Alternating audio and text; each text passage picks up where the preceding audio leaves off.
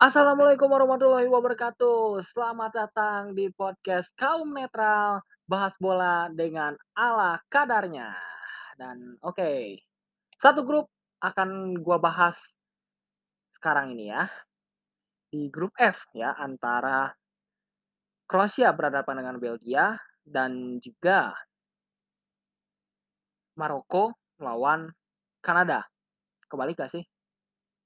Gak apa-apa. Oke ya, eee, di pertanyaan kali ini, ini akhirnya, eee, di grup F ini akhirnya di dijuarai oleh Maroko ya, sebagai juara grup dengan poin 7, sedangkan runner up oleh Kroasia, oke. Dan kita akan review dulu Kroasia lawan Belgia. Nah, tidak ada gol yang tercipta di sepanjang 2 kali 45 menit. Ini justru sumpah ya, sumpah ngenes banget ini ya sama pemain permainan Belgia nih ya. Kalau Kroasia sendiri ya tahu sendirilah, eee, permainannya kayak gimana, pasti mengandalkan trio Brozovic, Modric, sama Kovacic ya. Nah memang sih ya, di selama babak pertama nggak ada shooting on target sama sekali. Semuanya syuting itu off target semua, melenceng semua. Baik itu Kroasia maupun juga Belgia, gitu ya. But anyway, ya kedua tim ini ya, eee, memang, eee, punya ball possession ya, bisa dikatakan imbang ya imbang gitu ya. Kalau aslinya ya sebenarnya menurut gua tuh 50 banding 50% gitu ya. Tapi di sana kan, eee, karena ada in contest gitu ya, gua juga masih mempelajari gitu ya, dalam statistik di Piala Dunia sekarang tuh in contest tuh maksudnya kayak gimana gitu ya. Ya di sana ya ball possession-nya ini 46 berbanding 47% di babak pertama gitu ya. Tapi, ya secara keseluruhan itu ya Kroasia hanya mengandalkan satu orang. Sedangkan Belgia, itu ngandelin skill doang gitu. And passing-nya amburadul, jelek banget. Itu ya terutama ya kecuali ya si KDB gitu ya, KDB and passing-nya bagus gitu ya. Gua akuilah emang bagus gitu ya si KDB ini ya. Nah, sa pada saat dia, eee, kasih umpan terobosan itu tuh dia selalu tepat gitu, tapi finishing-nya itu jelek banget gitu. Ini ada apa sih sebenarnya dengan Belgia ini? Gak kayak Belgia pada 4 tahun yang lalu lah atau beberapa tahun yang lalu lah, di mana Belgia nih, eee, dari mulai finishing, and passing, kemudian through pass, sama set play-nya, bagus-bagus semua gitu. Ya mungkin ini apakah karena ini the end of gold golden era gitu ya, atau gimana gitu ya.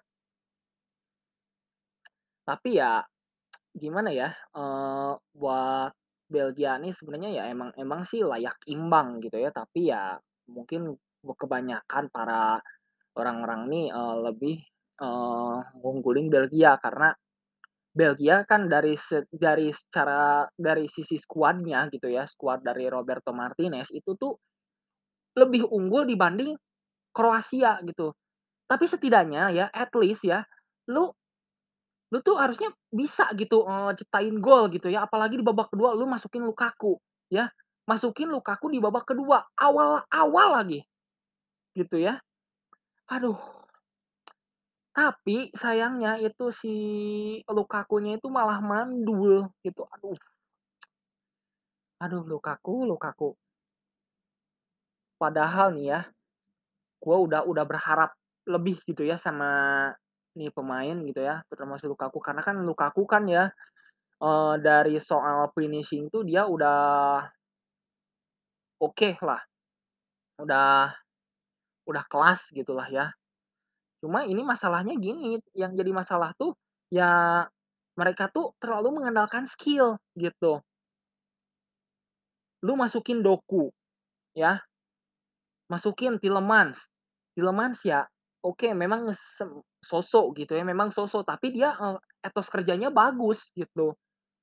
Nah, Ini yang lebih yang jadi masalahnya lagi itulah, yang jadi masalahnya ya, bagi timnas Belgia itu dia tidak memainkan Eden Hazard dari awal, gitu.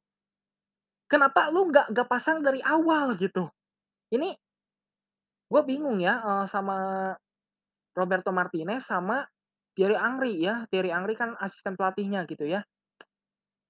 Kenapa ya?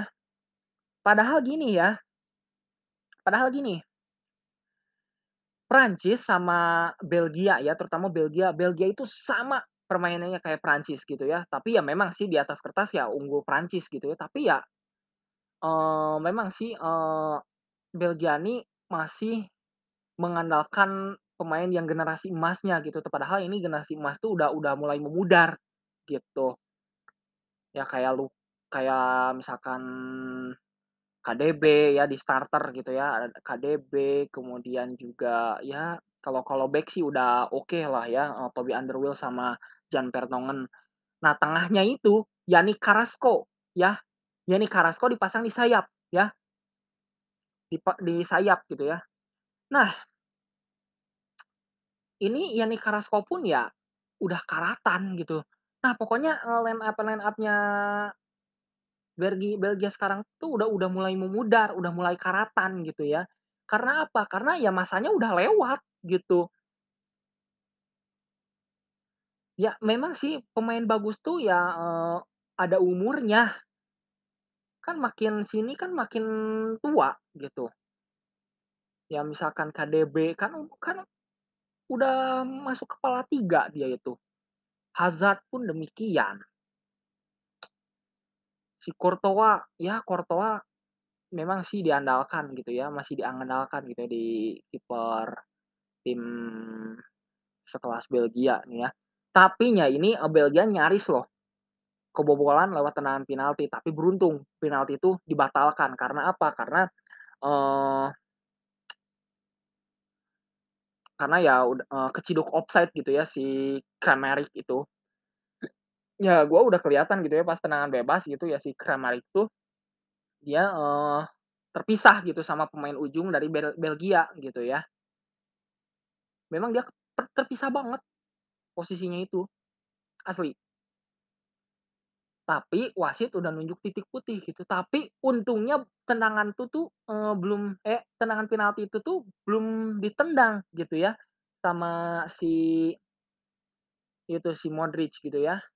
Ya mungkin gini ya, kalau misalkan itu penalti jadi, ya bisa jadi ya, eee, si Modric mau nyobain gitu ngebobol gawang si Courtois gitu, karena kan sejauh ini kan ya dia kan satu tim gitu ya di Madrid gitu ya. Mmm. Tapi ya, eee, memang sih ini ya offside nih make sense gitu ya, karena si Kra si Kramaric itu posisinya jauh banget gitu ya, make sense itu offside-nya gitu ya. Bahkan ya ya kembali lagi ke peluangnya Lukaku ya, ini si Lukaku begitu masuk, itu tuh udah udah bikin ancaman gitu buat buat Kroasia. Dia tuh udah bagus gitu, bu udah bikin peluang, tapi sayangnya dia tuh udah udah sampai 4 kali gua hitung, 4 kali peluang yang diciptakan oleh dia di depan mulut gawang, itu aduh, ancur-ancuran, sumpah. Ini gak habis pikir ya sama Belgia satu ini ya. Padahal nih ya, kalau kalau lu misalkan mau mau pasang Lukaku, apalagi ini ya, di pertandingan penentu, lu tuh harusnya pasangnya dari awal gitu. Kenapa lu malah masang si ini gitu ya, si KDB main di awal. Nggak ya ya emang sih mainnya di awal gitu, tapi ya gini, kenapa lu malah masang Dries Mertens, terus sayapnya Leandro Trossard gitu ya. Ini gak habis pikir saya ya. Gua gak habis pikir. Yannick Carrasco ya emang oke, Thomas Muller so-so lah. Si Thomas Muller tuh bagusnya di belakang justru, bukan di depan, gitu. Padahal kan di sana masih ada Thorgan Hazard, tuh kan, Thorgan Hazard kenapa gak main di awal gitu. Duo Hazard nih adik adik kakak ini tuh, ini parah sumpah. Atau kalau enggak nih ya, eee, lu mainin pemain real number 10 gitu ya. Kayak misalkan Carlos Ketelaar, dia kan dia kan ini, apa tuh, dia kan penerusnya KDB, gitu. Harusnya kan di sini dia membuktikan gitu, di sini tuh bahwa lo tuh bener-bener bintang di Belgia, gitu. Layak untuk tampil, gitulah, di Piala Dunia tahun ini, gitu ya. Atau mungkin ya belum waktunya kayaknya ya buat si Ketelaar ini. Memang ya di, apa tuh, eee, di Milan sama di game PES gitu ya, gua gua kan sering pakai tuh si Ketelaar itu emang bagus dia tuh. Dari mulai syuting-nya, passing-nya, itu tuh akurat banget gitu, ya. Tapi ya sayangnya ya, Roberto Martinez mungkin lebih percaya sama KDB mungkin ya, masih masih percaya sama KDB permainan ya dia tuh ya. Ya oke memang, eee, emang emang nggak terlalu jelek-jelek amat gitu ya dengan formasi 3-4-3-nya itu, tapi skuadnya karatan gitu. Formasinya sih udah bagus gitu ya. Memang udah dari dulu ya dia selalu bereksperimen dengan bermain 3 back gitu ya. Tapi ya sayangnya di dari kedalaman skuadnya lu tuh udah karatan gitu. Gitu ya. Pokoknya ya sekali lagi gua ngucapin selamat lah ya kepada Kroasia yang udah lolos ya ke babak 16 besar ya, eee, sebagai runner up grup ya, dan juara grupnya Maroko. Dan buat Belgia ya tetap semangat lah ya, eee, jangan berkecil hati, terutama buat para fans-fans-nya ya, yang yang fans Belgia sama fans Kroasia ya. Tapi tetap ya buat Kroasia tetap harus lebih fokus lagi, siapa tahu mungkin ya ketemu juara grup E nanti mungkin ketemu Spanyol atau kalau enggak ya ketemu siapa gitu ya. Nah nanti akan tampil ya Spanyol nanti lawan Jepang ya. Kira-kira siapa sih yang bakal jadi juara grup dan jadi calon lawannya Kroasia ya.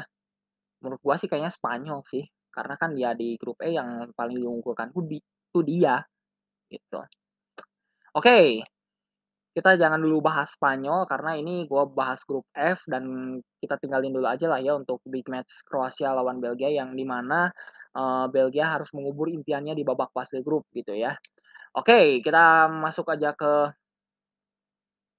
ke Maroko lawan Kanada, eee, gua sebenarnya gini ya, memang sih waktunya bersamaan. Gua gua nonton di di 2 monitor ya, yang satu di laptop ya, yang satu lagi di TV gitu ya.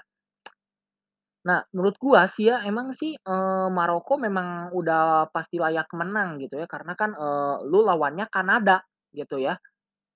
Kalau kalau lu lawannya Kanada, kalau lawan semacam Kanada ya kalau kalah itu ya, aduh parah gitu, kalau lu nggak bisa ngalahin tim sekelas Kanada gitu ya. Nah, ya ini golnya pun pertama ya dari golnya si Ziyech ya. Ini tuh ya menurut gua sih gol jatuh dari langit gitu ya. Kenapa? Karena itu murni kesalahan blunder ya dari dari kipernya si Kanada itu yang maksudnya mungkin dia tuh mau mau umpan datar ke si Miller ke si Miller kalau nggak salah ya, Kamal Miller atau siapa gitu ya. Eee, tapi dia malah kena si Ziyech dan akhirnya si Ziyech langsung langsung syuting gitu ya, syutingnya nggak nggak syuting datar ataupun setengah atau setengah lambung, bahkan dia agak lambung gitu ya, lambung tapi masuk ke gawang gitu ya. Unggul 1-0 di sana. Nah, kemudian golnya Maroko ya, ini gue juga nggak terlalu fokus ya sama pertandingan ini, tapi ya gue lihat dari golnya ya not bad gitu ya, eee, karena kan, eee, dari skuad yang ada di timnas Maroko itu tuh ya, eee, hampir lima hampir ya hampir 40%, 40% diisi pemain-pemain yang bermain di liga Eropa gitu, kayak En-Nesyri, Ziyech gitu dan lain sebagainya gitu ya, ada Achraf Hakimi. Tapi ya memang sih dari dari segi dari segi formasi ya sama kayak kemarin, mereka dengan mengandalkan formasi formasi 4-3-3 ya. 4-3-3 tapi mereka bervariasi gitu ya, dari 4-3-3 menjadi 4-2-3-1 misalkan. Karena kan si Ziyech kan, eee, dia bisa jadi gelandang serang atau ya sayap juga bisa gitu ya, karena kan ya dia, eee, di Chelsea aja dia, eee, sebagai attacking midfield gitu ya, tapi di Ajax dia sebagai sayap gitu, karena kan, eee, dulu kan diasuh sama Erik ten Hag gitu ya, karena kan Erik ten Hag tuh, eee, lebih, eee memainkan nomor 10 tuh di sayap gitu ya, kalau formasinya ten Hag gitu ya. Nah oke kita nggak bicarain soal klubnya gitu ya, tapi tapi yang jelas, eee, Maroko memang layak menang gitu ya. Dan menurut gua sih ini Kanada ya, lu cuma sebagai hiburan aja gitu ya. Dan ya ini buat Kanada sih, eee, tetap semangat ajalah ya, karena, eee, ini awal ya, kembal awal kembalinya lo tampil di ajang event 4 tahunan gitu, sebelum nanti 4 tahun kemudian lo jadi tuan rumah di Piala Dunia 4 tahun ke depan, yaitu di tahun 2026. Karena kan, eee, Piala Dunia tahun berikutnya kan, eee, di 3 negara ya, Meksiko, Kanada, sama USA. Nah ini, eee, Kanada pun termasuk tuan rumah nanti ya. Dan ya gua harap sih Maroko dengan lo sebagai juara grup ya lu bisa, eee, tampil agresif gitu ya, harus lebih waspada lagi karena lawan lu di babak 16 besar tuh nggak mudah gitu. Ya mungkin antara bisa jadi antara Jerman, Kroasia, sama Jepang gitu ya. Nah Jepang nanti kan akan ketemu Spanyol ya. Nah ini nanti grup grup E kayaknya seru deh, eee, dari dari perebutan posisi runner up-nya gitu ya, ataupun juara grupnya. Kalau juara grup sih paling rata-rata yang diunggulkan tuh ya nggak tahu lah siapa ya, nanti kita akan bertemu di episode berikutnya ya. Oke itu aja dulu ya untuk review pertandingan matchday ketiga di grup F ya, antara Kroasia lawan Belgia dan juga Kanada versus Maroko ya, yang yang di mana yang lolos ke babak 16 besar itu adalah Maroko dan Kroasia. Sekali lagi gue ucapkan selamat kepada Maroko dan juga Kroasia yang berhasil lolos fase grup dan tetap semangat dan juga tetap waspada juga karena lawan kamu nanti kita akan ditunggu nanti beberapa jam ke depan. Oke? Ya, itu aja dulu lah ya, dan kita akan ketemu lagi di episode selanjutnya. Assalamualaikum warahmatullahi wabarakatuh. See you at podcast Kaum Netral Bahas Bola dengan ala kadarnya. Thanks for listening.